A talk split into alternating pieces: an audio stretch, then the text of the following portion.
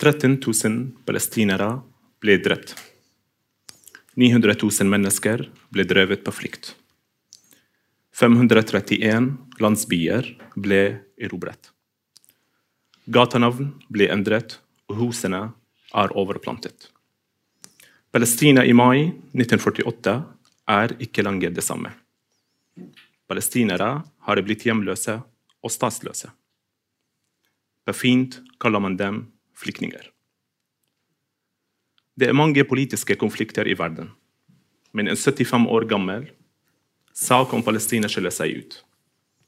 Kanskje 99 av verdens befolkning har en mening om hvem som eier landet. Palestinere har fått ikke bare allierte, men også ekte venner som krever rettferdighet.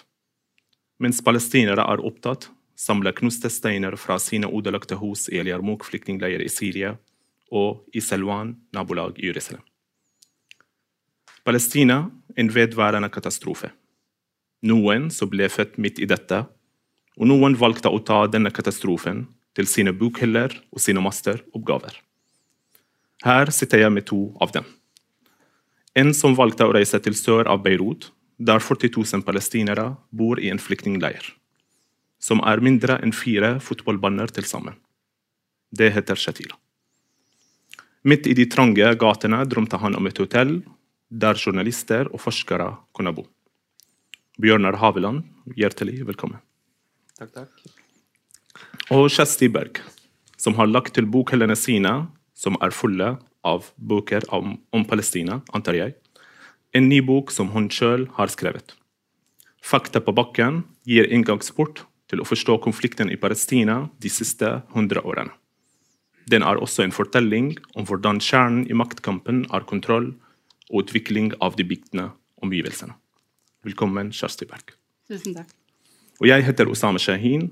Jeg jobber som journalist i Bergens Tidende, og jeg tilhører den første gruppa som ble født midt i dette katastrofen.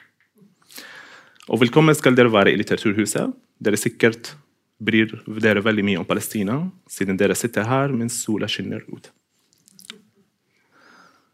Jeg tenkte å starte med deg, Kjersti. Først gratulerer med boken. Tusen takk. Um, jeg og mange her i salen er nysgjerrig på hvorfor har du skrevet denne boken, også om du kan si litt om den fint frontsida på denne boken. Ja, tusen takk for den fine introduksjonen, eh, Osama. Ja, det finnes jo veldig mange bøker om Palestina og Israel fra før, så hvorfor skrive en til? Um, så det jeg tenkte med denne boka, var at eh, jeg spurte meg sjøl hva jeg kunne bringe eh, bringe fram. Eh, det som jeg eh, hadde tenkt på lenge, var at veldig mye av litteraturen presenterte denne situasjonen, disse landene, utviklingen, i en veldig sånn politisk, ideologisk eh, forklaring. Og eh, at veldig mye av det kan bli abstrakt eh, å forholde seg til. Så en kunne lese en hel bok om dette uten å forstå det egentlig, hva det betydde for de som bodde der, og hvordan det utarta seg for de som bodde der. Eh, så det var én årsak. En annen var kanskje mer sånn vitenskapsteoretisk, da. Altså, hva er det som er virkelig? Eh, er det ideer? Eh, er det nasjonalisme? Er det ideologier?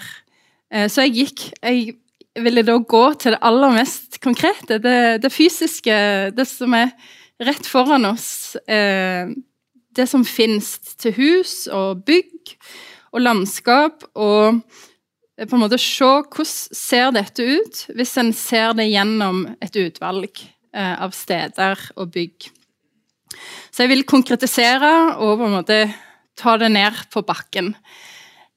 og det er jo en grunn til at jeg ville gjøre det, var jo òg at veldig mange klarer nesten ikke forholde seg til Palestina og Israel, fordi de opplever det som for ideologisk og på en måte for polarisert. og altså en har jo et helt sånn spekter fra høyre til venstresida som har ofte veldig ulike syn på dette. Eh, religion kan spille inn.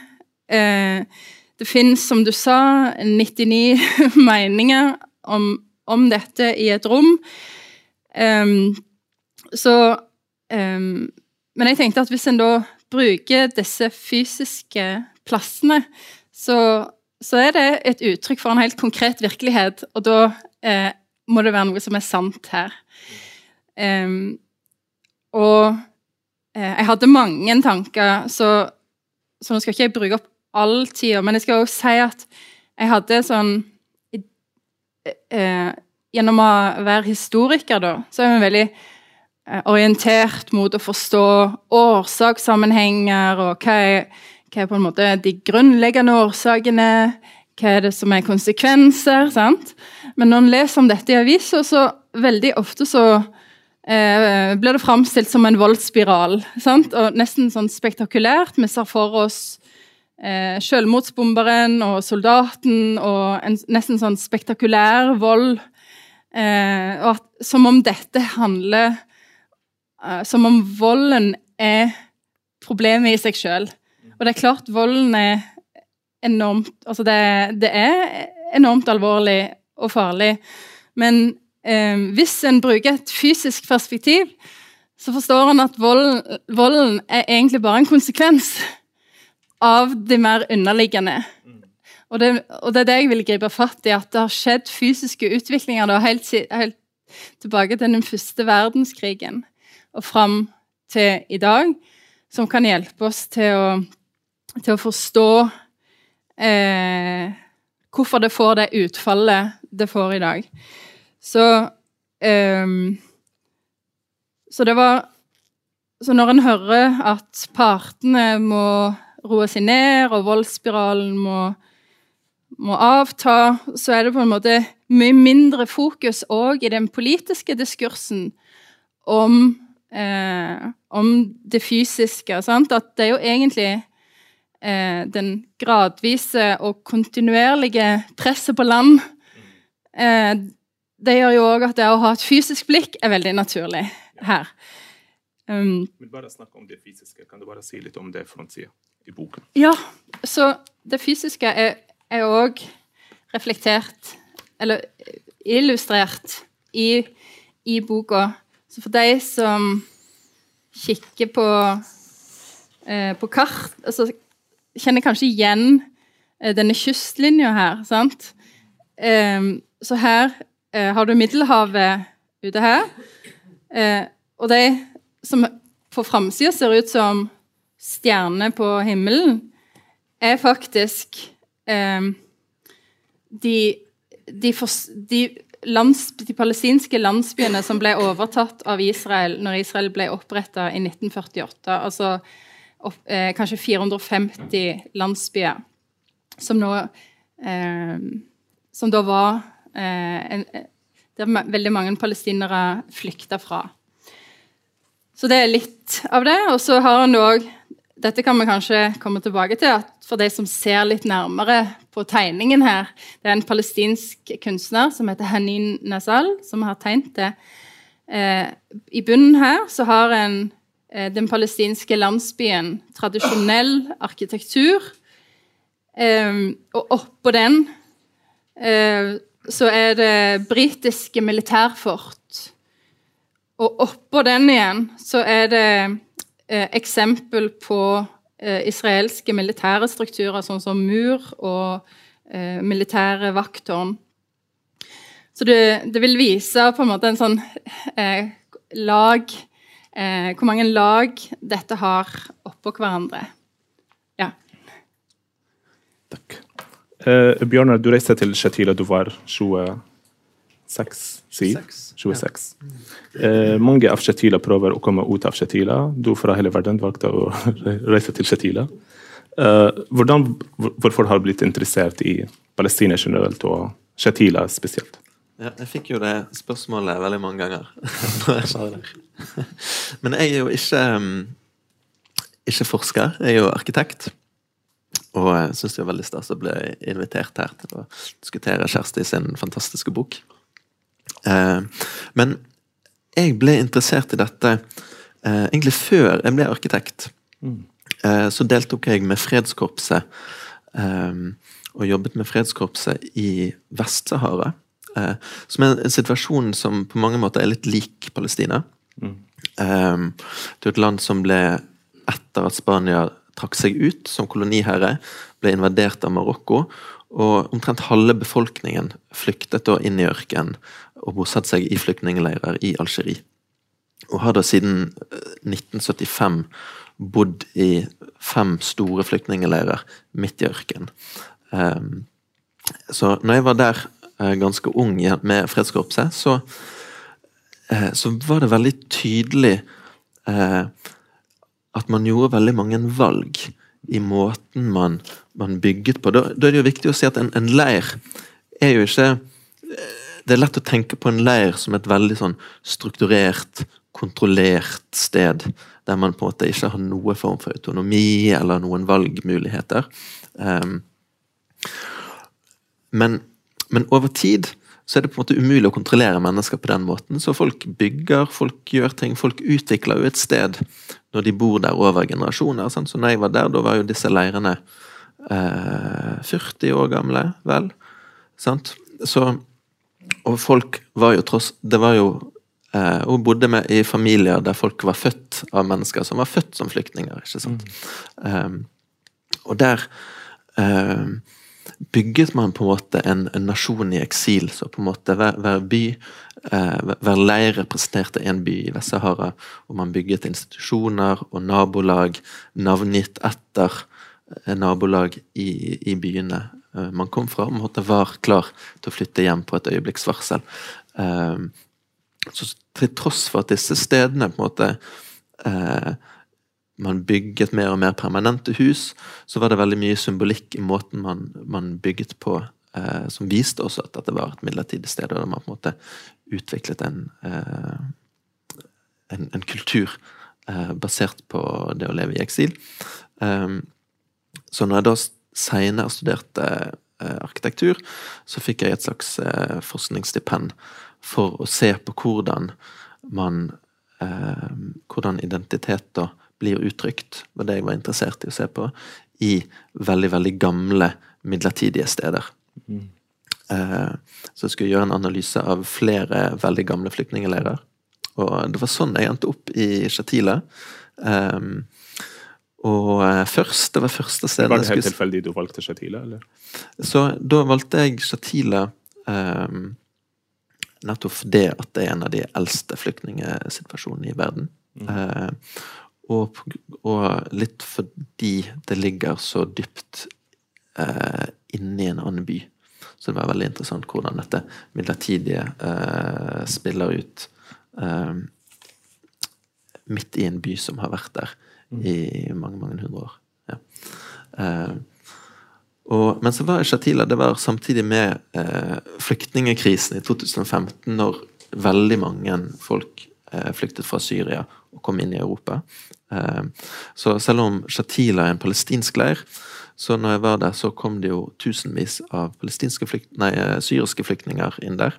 Eh, og som så reiste videre til til Europa, og det, det, endret veldig mye av dynamikken i dette stedet. Så istedenfor å reise videre mm. til andre leirer, så brukte jeg hele, hele, det året med å bo i Shatila. Um, ja, så det er historien hvordan jeg ble interessert i det. Mm. Hvor bodde du i Shatila? Jeg bodde i et lite rom um, som ble leid ut av en liten skole. Mm. Ja. Um, ja. Som, pleide, ja, som, pleide, å hoste på en måte politiske aktivister og sånt. Eh, det var det ikke så mange sånne solidariske aktivister som kom lenger. Det var mye flere før. Mm. Så jeg hadde på en måte dette gamle gjestehuset da helt for meg sjøl i et år eh, i Shatila. Ja. Um, jeg skal tilbake til Shatila etterpå, men um, jeg tenkte å gå tilbake nå til 1948. Den mest avgjørende år i det hele diskusjonen og hele boken. Um, fordi du beskriver Først jeg begynte med introduksjon også til vanlig alle beskriver tall. også Folk som ble drept, folk som ble fordrevet på flukt. Men du snakker veldig mye i din bok om det fysiske. F.eks. Um, i CF65 du snakker om martyrskogen som ble bygget i Jerusalem. Kan du snakke litt mer om Nakba på måten du ser det på det perspektivet, den fysiske perspektivet? Ja, altså jeg har jo forska på det palestinske flyktningspørsmålet i 20 år. Eh, og jeg har lest om det både i sånn juridisk, politisk, på ulike veldig skrevet om på ulike måter. Så jeg ville prøve her å skrive om det på en veldig sånn konkret og ned på bakken måte. Og eh, ikke bare som flyktninger i den leiren de endte opp i utenfor Palestina, men òg det, det, som de mista. Mm. Eh, de heimene eh, de hadde i Palestina før krigen. Um, så, så, gjennom krigen så ble jo to tredjedeler av den palestinske befolkningen drevet på flukt eh, med, med, vold og med trusler om vold. Eh, I frykt. Eh, det var massakre, og de flykta i frykt for massakre. Dette er veldig godt dokumentert. Eh, og så eh, når da krigen eh, var slutt, eh, så hadde palestinerne mista sin framtidige stat, de hadde mista hus og heim. Eh, men hvis vi da ser på hva som sto igjen i Israel, så var det jo da 450 tomme landsbyer, ikke sant? Mm. Og tusen på tusenvis på tusenvis av tomme hus eh, i Jerusalem, i Jaffa, i Haifa. Eh, så det, eh, I boka så skriver jeg om hva som skjer med de tomme landsbyene etter at eh, krigen er over. Og veldig mange av de blir eh, bulldosert, heter det det? Eh, altså det blir jevna med jorda, da. Eh, og eh, andre, eh, ofte midt inne i byer, blir tatt over av nye av, av, jødiske familier, sånn som de sto mm. intakt. Um, og mange av de landsbyene som blir, da blir ødelagt, der blir det planta skog oppå. Det blir planta eh, furu og eukalyptus, og eh, det blir bygd parker. Eh, så det fins veldig mange parker i Israel som er akkurat der som landsbyene var. Og en sånn park den finner en bare rett sør for eh, Jerusalem. Det er en, en stor park der det ble planta seks millioner tre eh, tidlig på 50-tallet av, eh, av Jewish National Fund. Eh, og det var for å symbolisere de seks millioner li, eh, livene eh, jødiske livene som gikk tapt under folkemordet holocaust. Og hele parken er en eneste så stor symbolikk. ikke sant? Du mm. kan gå gjennom parken, du finner en, et stort uh, monument over Toraen. Uh, og på, på, på, det monumentet så er det en inskripsjon da, som forteller historien om eh, liksom den, den, jødiske historien i tre etapper. På en måte den gammel israelittiske riket, 2000 år tilbake mm. eh, i tid. Eh, eksil. Og så 1948, som da er framstilt som en frigjøringskrig. Eller frigjøringen av eh, landet. Og 1967, som da er eh, gjenforeningen av landet. Eh, mm. Der òg Jerusalem øst, eh, kommer inn under israelsk kontroll. Og Vestbredden og, og Gaza og Golan og Sinai. Mm. Så, um, så, den parken, å gå rundt der, så finner en òg eh, en sånn minnestort minnesmonument over Anne Frank. Mm. Um, og det er jo det er en massiv park. Du kan gå på piknik, du kan trene. Sant? Men i bånn, på en måte under denne parken, så er det bitte små ruiner av de to palestinske landsbyene som var under. Mm. Um, og, og, jeg, jeg syns det er ganske interessant som en sånn Hva en sånn park kan fortelle, symbolisere, da, av uh, Du kan se på det fra ulike vinkler, men du kan, også, du kan se på det som at, at palestinerne på en måte òg blir ofre for holocaust. Mm. Eh, du kan eh, De bærer konsekvensene av det europeiske holocaustet. Du Altså, når, når landsbyer ble jevna på jorda på denne måten, og når de blir overplanta på denne måten, så var det et veldig klart signal om at retur skjer ikke. Retur kommer aldri til å skje. Mm. Dette er et nytt land som skal bygges. Eh, alle eller tusenvis av palestinske stednavn ble fjerna. Istedenfor så fikk en nye hebraisk, gammelhebraiske navn på steder. Så en, en bygde et nytt land oppå et gammelt. Så um, Så i boken du beskriver at akademikere prøver å se om det som skjedde i 1948, var planlagt på forhånd. Eller ikke. Ja, eh, det, er, eh, det er veldig godt dokumentert at det skjedde en fordrivelse av palestinerne. Eh, og dette har vært en stor akademisk debatt i mange år. Eh, og det, der som debatten på en måte ennå henger litt, det er i hva grad var dette planlagt på forhånd, eller i hva grad skjedde det som et resultat av krigen der og da. En erobra mer land, og soldater gjorde ting på bakken. Så, så der, der er det uli, skjedde ting på ulikt vis, sannsynligvis eh, i eh, eh, På bakken. Men samtidig så var det politikere som legitimerte utdrivelsen på høyeste nivå. Ja, men det er en stor debatt, så jeg tror ikke vi kan ta hele den. Um, men um, men jeg starter med å si på en måte at boka handler litt om å, uh, hvordan er det vi forstår dette her med Palestina og Israel. Og jeg ønsker egentlig i denne boka å sette det med flukt og fordrivelse mer i sentrum. da. Eh, for jeg tenker at det her med tostatsløsning og vold og At det har fått, iallfall etter Oslo-avtalen, enormt masse fokus. Mens eh, fordrivelse og press på palestinsk, palestinske innbyggere er et sånt trekk som går som Det stopper ikke med 1948, som du vet. Eh, I 1967 så skjer det en ny fordrivelse. Da er det 400 000 palestinere som, som må flykte. Og så har det òg fortsatt, ikke sant? Eh, fra Øst-Jerusalem eh, så er det mm, mer enn 15 000 palestinere som har mista retten til å bo i byen, som da har flykta eh, siden 1967.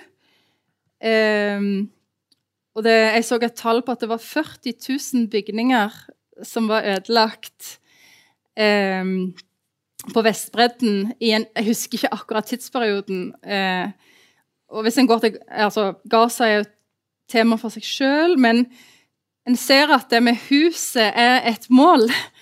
Eh, boligen er et mål, og det går igjen i historien. Det skjer i dag. Det skjer spesielt i det Mange vet kanskje hva område C er i dag. Det skal vi komme tilbake til. Men i område C på Vestbredden så har Israel full militær kontroll. Og de palestinerne Kan du bare som si litt om området E og B ja, jeg skal gjøre det. Men uh, så etter Oslo-avtalen, eller med Oslo-avtalen, så fikk en et, en ny geografi. Uh, en politisk geografi som deler Vestbredden inn uh, i tre områder. Så Vestbredden er jo et lite geografisk område, men en fikk tre områder, og det aller minste området er område A. Det utgjør ca. 20% av Vestbredden. Så da kan dere se for dere sånne bitte små sirkler av eh, nominelt selvstyre. Eh, altså det er det en kaller for Det er der palestinske styresmakter har en form for selvstyre i dag. Det er område A. Det er Ramallah, det er Jenin, det er Nablus, det er Det er Hebron egentlig ikke et område. Det er vel mange små områder. ja, så du, du, ser mer ut som øye i et hav, ikke sant? Og så har du område B, som er delt sikkerhetskontroll og militærkontroll. Og så har du område C, eh, som er under full israelsk kontroll. Og det området C er, er på en måte alt det havet imellom de områdene av A og B. Um, så palestinere som bor i område C, er ekstremt sårbar posisjon. Eh, der, eh, der er det flere landsbyer som er i fare for å bli tømt. Eh, det er et ekstremt press på de palestinerne som bor der. Eh, men det er òg et sterkt press på de som bor i Øst-Jerusalem. Så eh, nå, nå snakket jeg meg altså For å holde tråden, da. Så det med fordrivelse stoppa ikke i 1948. Men det, jeg vil sette det i sentrum av eh, av på en måte hva denne konflikten handler om. Det handler om demografi. Det handler om eh, å begrense mobilitet. Det handler om eh, ja, kontroll over land. Mm. Men det med, flyktninger at um, det finnes 68 flyktningleirer til palestinere. I Palestina, i Syria, Jordan og Libanon. Eh, også UNRWA ble stiftet i 1949. Også det er United Nation Relief and Work Agency. Også det for å um, finne en løsning på den midlertidige uh, situasjonen for palestinere. Uh, også du, Bjørnar, du reiste til uh, Shatila. Um, først har jeg lyst til å høre litt om hotell, som du hadde lyst til å, å bygge. også den um, Jeg tenkte på at du står på den høyeste etasjen på det hotellet. Hva kan du si i Shatila? Ja, så um, Shatila er jo en uh, Det er en leir, men, men sånn uh, som palestinerne har det i, i, Libanon, så kan de bevege seg hvor som helst. Uh, men de har ikke rett til å jobbe og ikke rett til å eie eiendom. Bortsett fra i noen få palestinske leirer. Og, og denne leiren Shatila, som da ble etablert på utsiden av Beirut i 1949 eh, Siden har liksom resten av Beirut vokst så mye at den nå ligger midt i på en måte geografisk sentrum for metropolområdet. Eh, og eh, er bare 250 ganger 250 meter stort. Bitte lite eh, lapp med selvstyre. Der eh, det ikke er strøm fra myndighetene, og politiet går ikke inn der. Og, um, og Så du kan tenke Når du tenker leir, så tenker folk ofte telt og den type ting. Men det er lettere å heller se for seg en slags sånn megastruktur. Uh, hus som er åtte-ti etasjer høye. Uh, og Hver gang man bygger på en ny etasje, så bygger man enda litt lengre ut, sånn at gatene blir som små tunneler. Um, og, og, og, denne leiren da styres jo av alle de forskjellige palestinske partiene, uh, militsgrupper, som også av og til krangler litt seg imellom om, om kontroll. Um, og um, hotellet Så når du jobber med en masteroppgave i arkitektur, så er det som ofte forventet at du skal bygge noe. Foreslå noe. Uh, men, men, i et, et, sånt sted der uh, folk er så marginalisert, det er så mye konkurranse om alle ressursene eh, du har UNRWA, som er denne FN-organisasjonen som skal gi veldig marginale eh, hjelp til flyktningene. Du har mm. eh, militsgruppene som eh, gir litt til folk for å få oppmerksomhet og støtte. Du har et utall eh, hjelpeorganisasjoner som også kommer og hjelper litt. Støtter en lege der, en liten klinikk der, gir noe mat der, gir noe murstein der. Um, så er det veldig Når du jobber som arkitekt, så er det veldig vanskelig å jobbe i opposisjon. Mm. Du er nødt til å jobbe eh, med et politisk Du er nødt til å ha et landområde å bygge på. Så du er nødt til å ha en, på en politisk legitim eh, program du ønsker å bygge på denne tomten, og du trenger kapital. Mm. Eh, et sted som er så omstridt, og med så mange forskjellige interesser, så det er veldig vanskelig å på en måte foreslå et type prosjekt som på en måte eh, Som er legitimt, på en måte, og som eh, gjør som du på en måte også kan si at dette gjør, skaper noe bra. For det ville jo vært utgangspunktet. Når jeg som arkitekt skulle gjøre noe i en flyktningleir, så ville det jo vært gjøre noe bra. Men det blir jo litt som å si at du skal eh, gjøre en, eh, en god eh, en god eh, konsentrasjonsleir. Sant? Det endrer på en måte ikke premisset. Så, så det, Og midt i denne flyktningleiren så står det et kjempestort vanntårn. 100 meter høyt vanntårn. 300 millioner kroner tror jeg ble brukt av en sveitsisk hjelpeorganisasjon for å bygge dette vanntårnet. For å gi rent drikkevann til alle som bor i denne leiren. Um, Men, det, men de tenkte, og, har, og selv og siden grunnvannet her er salt, så er det avansert utstyr for å ta ut saltet. Eh, eh, det er liksom måter å få vannet ut av alle leilighetene på. Men man trengte at alle familier betalte fem dollar i måneden for å få vann. Mm. Noe som er mye mindre enn de betaler i dag. For det er veldig vanskelig å få tak i rent drikkevann i denne leiren, selv om man bor midt i sentrum av en av Midtøstens største byer. Mm. Um, og de som skulle samle inn disse fem dollarene, var da dette lappeteppet av militsgrupper som ikke kommer overens med hverandre.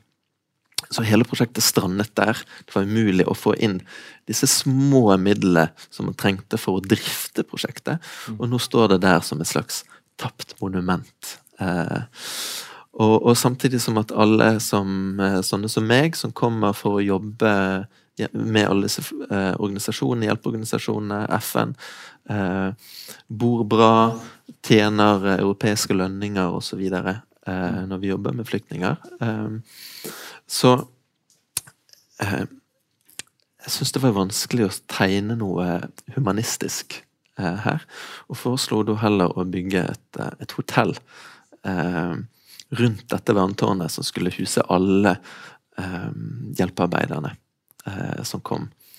Og pengene fra, og alle tjenestene fra dette hotellet skulle bli kjøpt fra leiren. Og eh, det var en tanke om at dette hotellet da skulle finansiere driften av vanntårnet, som da mm. kunne endelig gi vann til alle flyktningene.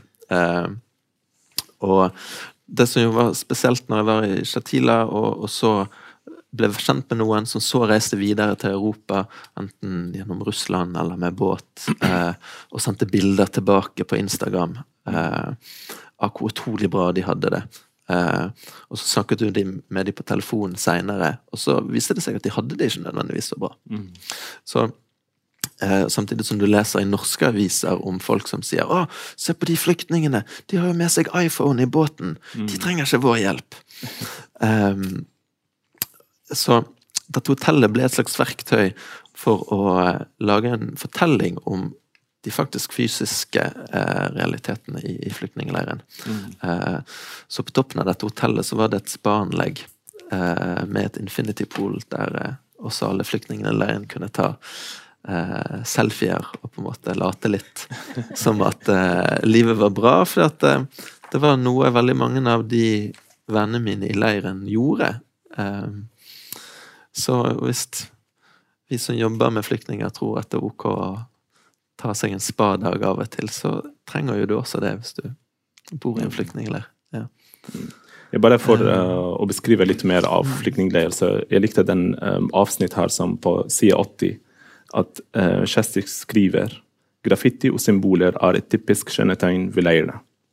Palestina er ofte representert på sementveggene på ulike måter klippedommen i Jerusalem, det palestinske flagget og plakater av politiske ledere og martyrer. Butikker, skole, skoler og nabolag og gater i en leir er gjerne oppkalt etter en landsby eller by i Palestina. Og på denne måten er Palestina for 1948 en fysisk del av hverdagslivet i eksil.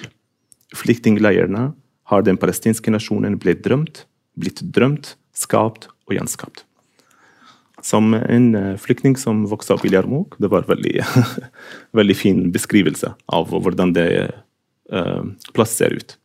Uh, og så Du forsket veldig mye på UNRWA, som jobbet siden 1949, som vi snakket om, med palestinske flyktninger.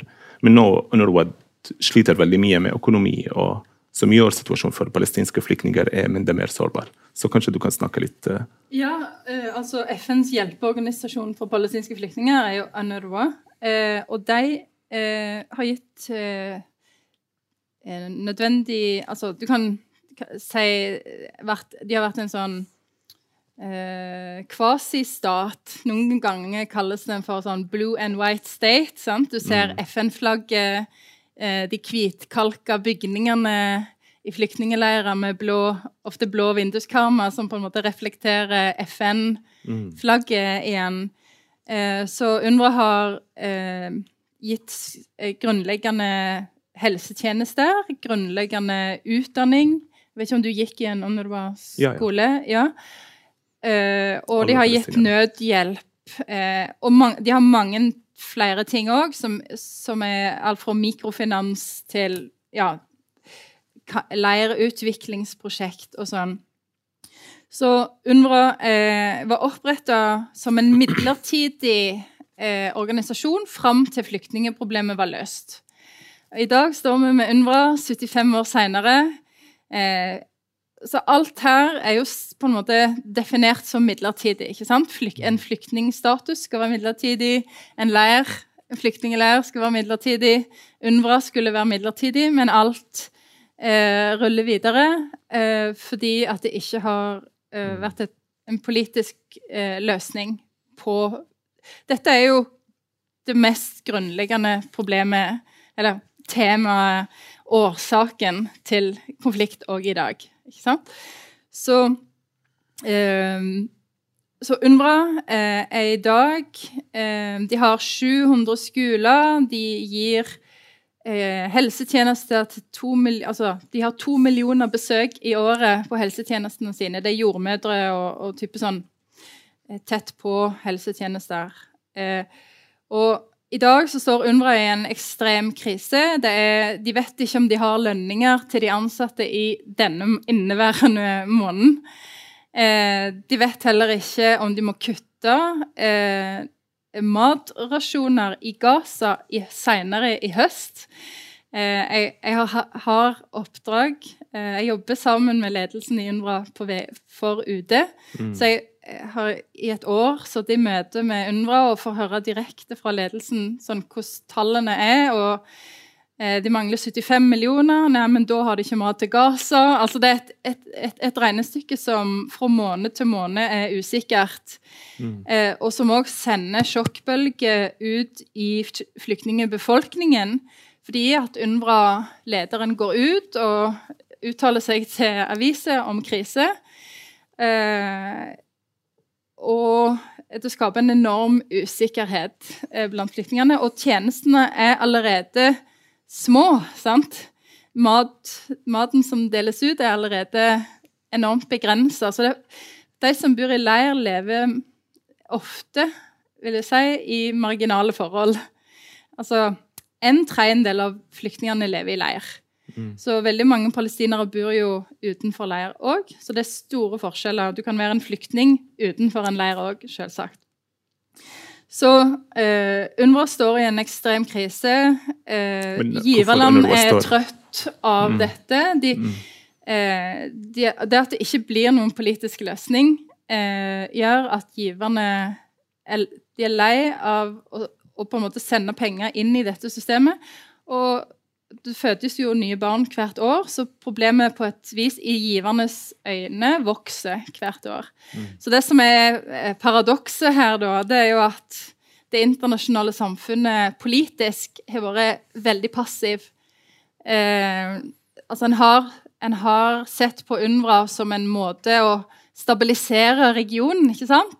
Så lenge eh, munner er mette og barna går i skole, så det, er en, det gir en viss stabilitet. Eh, Det er som selvfølgelig ikke stabilt eh, heller, men det gir en viss stabilitet. Eh, men det som eh, jeg og mange frykter framover, er at givere eh, heller ikke søker å trappe opp på en måte målet om å finne politiske løsninger. Det er ingen press på Israel heller. Eh, og heller ikke gi bistandspenger. Så det, det er en stor bekymring. Ja. Men kan du snakke litt mer om hvorfor det står det i økonomisk krise kom som stoppet sin bistand, økonomisk bistand til UNRWA? Ja, det, det er veldig mye å si om det. For å si det kort, så, eh, så et, et, eh, viktig En viktig årsak er jo at eh, flyktningebefolkningen vokser hvert år. Eh, og dermed så vokser kostnadene hvert år. Eh, og det er jo eh, UNRWA jeg sa, kalte det for en kvasistat eller en sånn FN-stat, men det er jo ikke en, De kan jo ikke legge skatt på innbyggerne og betale Altså, eh, de er heller ikke representative for flyktningene. Det, det er bistand. Det er sånn bistand drives. Og Så det, det er mange, eh, mange årsaker, og det er òg litt det som jeg snakket om i starten, at dette her er en enormt ideologisert eh, tema. Um, og disse, det er sterke pro-israelske krefter som presser på regjeringer, inkludert den norske, eh, om å kutte bistand. Mm. eh, Norge er faktisk en pådriver for å mobilisere andre land for å støtte UNRWA. Men eh, og Norge opplever et sterkt press på, på å kutte, og, og EU eh, har et enormt press av eh, sterke lobbygrupper som kommer med påstander om at pensumskolebøkene i UNRWA-skolene er antisemittiske, og så fører det til stor, til stor usikkerhet hos giverne. Og kan i neste runde gi kutt. ikke sant? Så det, men det er sammensatte årsaker. Det er Ukraina, det er matvarepriser, det er Midtøsten er mindre interessant strategisk. Ja, så det, det er mange årsaker. Men det er òg det at det foregår en ideologisk kamp om sannheten her. Altså, Trump kalte det som 'industry for terrorism'. Ja, det. Ja, USA kutta bistanden i 2018 totalt, og USA hadde vært den største giveren. Og Det har òg medført et sånt ras av andre land som kutta. Mm. Men har du snakket om den FN-staten som finnes i flyktningleirer og så mange plasser på, i Palestina og Vestbredden? Eh, Men kan du si litt om den palestinske staten? Ja. Hvordan den bygges fysisk, faktisk? Ja. Um, så nå er vi jo i september, Um, og i år så er det i september så er det akkurat 30 år siden Oslo-avtalen ble signert. Eh, og som en del av den avtalen så skulle en jo bygge en palestinsk stat. Eh, så Norge i front mobiliserte bistand og har nå i 30 år eh, investert enorme summer i å bygge en palestinsk stat. En skulle på en måte, Ideen var at en skulle bygge en palestinsk stat i påvente av politiske forhandlinger. Så når freden var forhandla, så skulle staten stå klar, på et vis. Men eh, vi vet jo at sånn har det ikke gått. Eh, palestinerne har jo bare dette, disse her øyene av område A, som vi snakket om. Det er det som er det palestinske eh, sånn nominell selvstyre i dag. Så det er kun her palestinerne kan bygge. Så eh, Og, og det, hvem er det som kan bygge? Eh, det er ganske komplisert. I, I boka så legger jeg fram et eksempel på en, en ny, helt ny by som er blitt bygd på en fjelltopp eh, utenfor Ramallah. Eh, den er omkransa av to bosetninger eh, som du må på en måte kjøre om for å komme opp eh, til denne nye byen. Og det er Eh, Det er en milliardær, en palestinsk-amerikansk milliardær som heter eh, Bashar Masri, som har finansiert dette sammen med investorer fra Qatar. Eh, og det er Jeg vil ikke si at det er et eventyr, men det er det er veldig interessant, men det er, noen kaller det for på en måte Palestinas Dubai. Eh, det er en eh, sånn her en bungee-jumping og strikkhopping og eh, en romersk scene. Coldplay har hatt konserter der. Så det er på en måte skapt Det er blitt forsøkt bygd en by som på en måte tar palestinerne ut av okkupasjonen.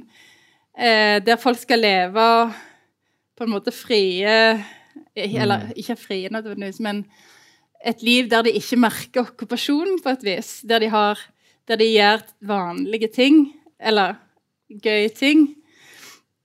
Um, så, og en, for, en så jo for seg 20 000 innbyggere. Så langt er det ca. 4000 palestinere som bor der. Det er sånn øvre middelklasse Det er dyrt å kjøpe leilighet her. Så, eh, så det er et eksperiment, og han her, Masri, han sa han vil ikke vente på at den palestinske staten skal komme, han vil på en måte bare bygge den fram. Eh, og dette har jo skapt veldig mye kontrovers i, blant palestinere. Noe, noen ser på det som et sånt uspiselig prosjekt. Det ligner en bosetning på toppen av et fjell. eh, eller en Ja, eh, toppen av ei dalside. Og eh, det, har, det foregår veldig mye rask bygging med raske penger, litt altså bistandspenger, investorer. Eh, det bygges uten tanke for byggetradisjoner lokalt, og det bygges høyt, det bygges fort. Eh, hva med varighet Altså mm. eh, og, det, og, det, står litt i eh, lys av den måten bistand drives på her. Altså det at En ser for seg at en skal få en økonomisk utvikling. altså At folk skal føle at levekårene er bedre. En har asfalt på veien. og At, at det på en måte skal være godt nok. på et vis. Mm. Mens en hører fra palestinere at de vil jo ha De har jo ikke frihet. De har jo ikke selvstendighet. Så hva skal de med denne denne asfalten her. ikke sant? Så det, er en, eh, det, skaper veldig mye kontroverser. Og det illustrerer Det er kanskje et sånt symbol på eh, På en måte illusjonen om at en kan få fred og en slags stat mm. ut, når en ikke har suverenitet, når en ikke har frihet. At det er veldig sånn kunstig og eh, Ja. Mm. Eh, nesten sånn uvirkelig skjær over seg. Eh, det som jo er realiteten, er at den palestinske økonomien er en ekstremt svak og avhengig økonomi. Mm. Eh, det kommer masse bistandspenger inn, men alle de pengene dekker jo ikke alle de pengene palestinerne taper på grensekontrollen på checkpoints. ikke sant? Så det er et, mm. det er et enormt eh, problematisk system eh, dette, denne bistanden inngår i. Mm. Fra Rawabi i, i, Ramallah, eller ved Ramallah, det, du sammenlignet uh, uh, hvordan palestinske flyktninger i uh, Shatila de bygger bygningene opp. Det er noe som ligner på bosetninger i Vestbredden. Ja, på en måte. Eller Det er jo litt interessant hvordan arkitektur brukes for å For å vise politisk legitimitet, og hvordan du kan måte, le, lese maktstrukturen i et samfunn gjerne gjennom hva som bygges, og hvor det bygges, og hvem som får lov til å bygge. Ikke sant? Og sånn som I Norge så tenker ikke du så veldig mye over det, men hver skole, hvert kommunehus, hvert kulturhus som bygges i hvert eneste norske bygd, er jo på en måte et symbol på den politiske legitimiteten til den norske stat. ikke sant? Og um, mens i Libanon og i Israel så eh, så har du ingen aktører som er så suverent legitime, kan du si. Så i, i Libanon du, har du en veldig svak stat, eh, og du kan f.eks. se hvordan Hezbollah som en, en militsgruppe bygger eh, museer som er mer storslåtte enn de eh, den libanesiske staten kan bygge. Mm. Og jeg tror det er det også du snakker om her. Det er i mangel på en en sterk stat sant? og en sterk palestinsk stat, så har du da private utbyggere som på en måte har kraften til å dra utviklingen i, i en retning. Um, og, og, jeg tror Hvis du ser på den israelske arkitekturen, eh, dominert kanskje av eh, murer og tårn alle steder på en måte behovet for å virkelig fysisk kontrollere en del av befolkningen, så blir jo det på en måte Det er veldig tydelig at man har kontroll, men behovet for den kontrollen er jo på en måte sånn helt tydelig at man da mangler legitimitet. Mm. Ikke sant? Fordi at man, man, må bygge så ekstreme strukturer for å kontrollere deler av befolkningen. Um, og noe man f.eks. i Norge ser veldig, i veldig liten grad politi eller fysiske struktur, strukturer eller checkpoints eller grensekontroller eller, eller, ting som man må sette ned i de fysiske omgivelsene for å um, kontrollere befolkningen. Og, um, men det som er interessant med de palestinske leirene i, i, i Libanon, er jo at um, de er sånne små øyer som eh, ikke er isolert fra omgivelsene sine, men spiller etter helt andre regler. Så det at palestinerne ikke lov til å jobbe eller lov til å lage sine egne firma, men besitter et territorium som basically er utenfor staten, betyr jo at de har en del fordeler i forhold til narkotikahandel eller distribusjon av eh, svart arbeidskraft. Eller, eh, og når du da ser på spesielt Shatila, som nå ligger i midten av den største byen i, i Libanon, eh, og hvordan alle f.eks. Eh, sånne uformelle bussterminaler og, og, sånt ligger sentrert rundt denne leiren, eh, så gir leiren en slags kontrollsone. At det ikke er kun det bitte lille arealet som lovlig sett er flyktningeleir, men en slags ganske mye større sone rundt. Så der det også er mye lettere å drive med aktiviteter som er litt mer lyssky. Mm. Um, og uh, så, så, sånn sett så påvirker på en måte leiren uh, byen på uh, i, veld, i, en veldig stor grad. økonomisk, fysisk. Og Eh, men på kartet av Beirut så er det på en måte et slags sånn hvit flekk der ingen, ingen snakker om, om, hva som skjer der. Fordi at det at det er midlertidig. Men jeg tror det er verdt å snakke om midlertidighet ikke som noe som handler om tid, men noe som handler om, om metode, kanskje, mm. eller standard.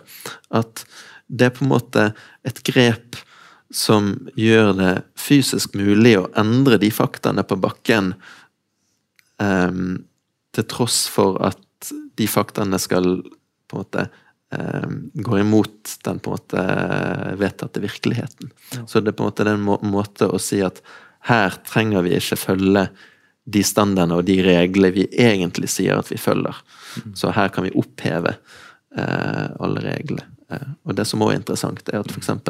Hezbollah, som kontrollerer halve Beirut, eh, og Offisielt så heter, heter de områdene Hezbollah kontrollerer eh, en suburb, eller forsted, selv om det er veldig, veldig stor grad en by.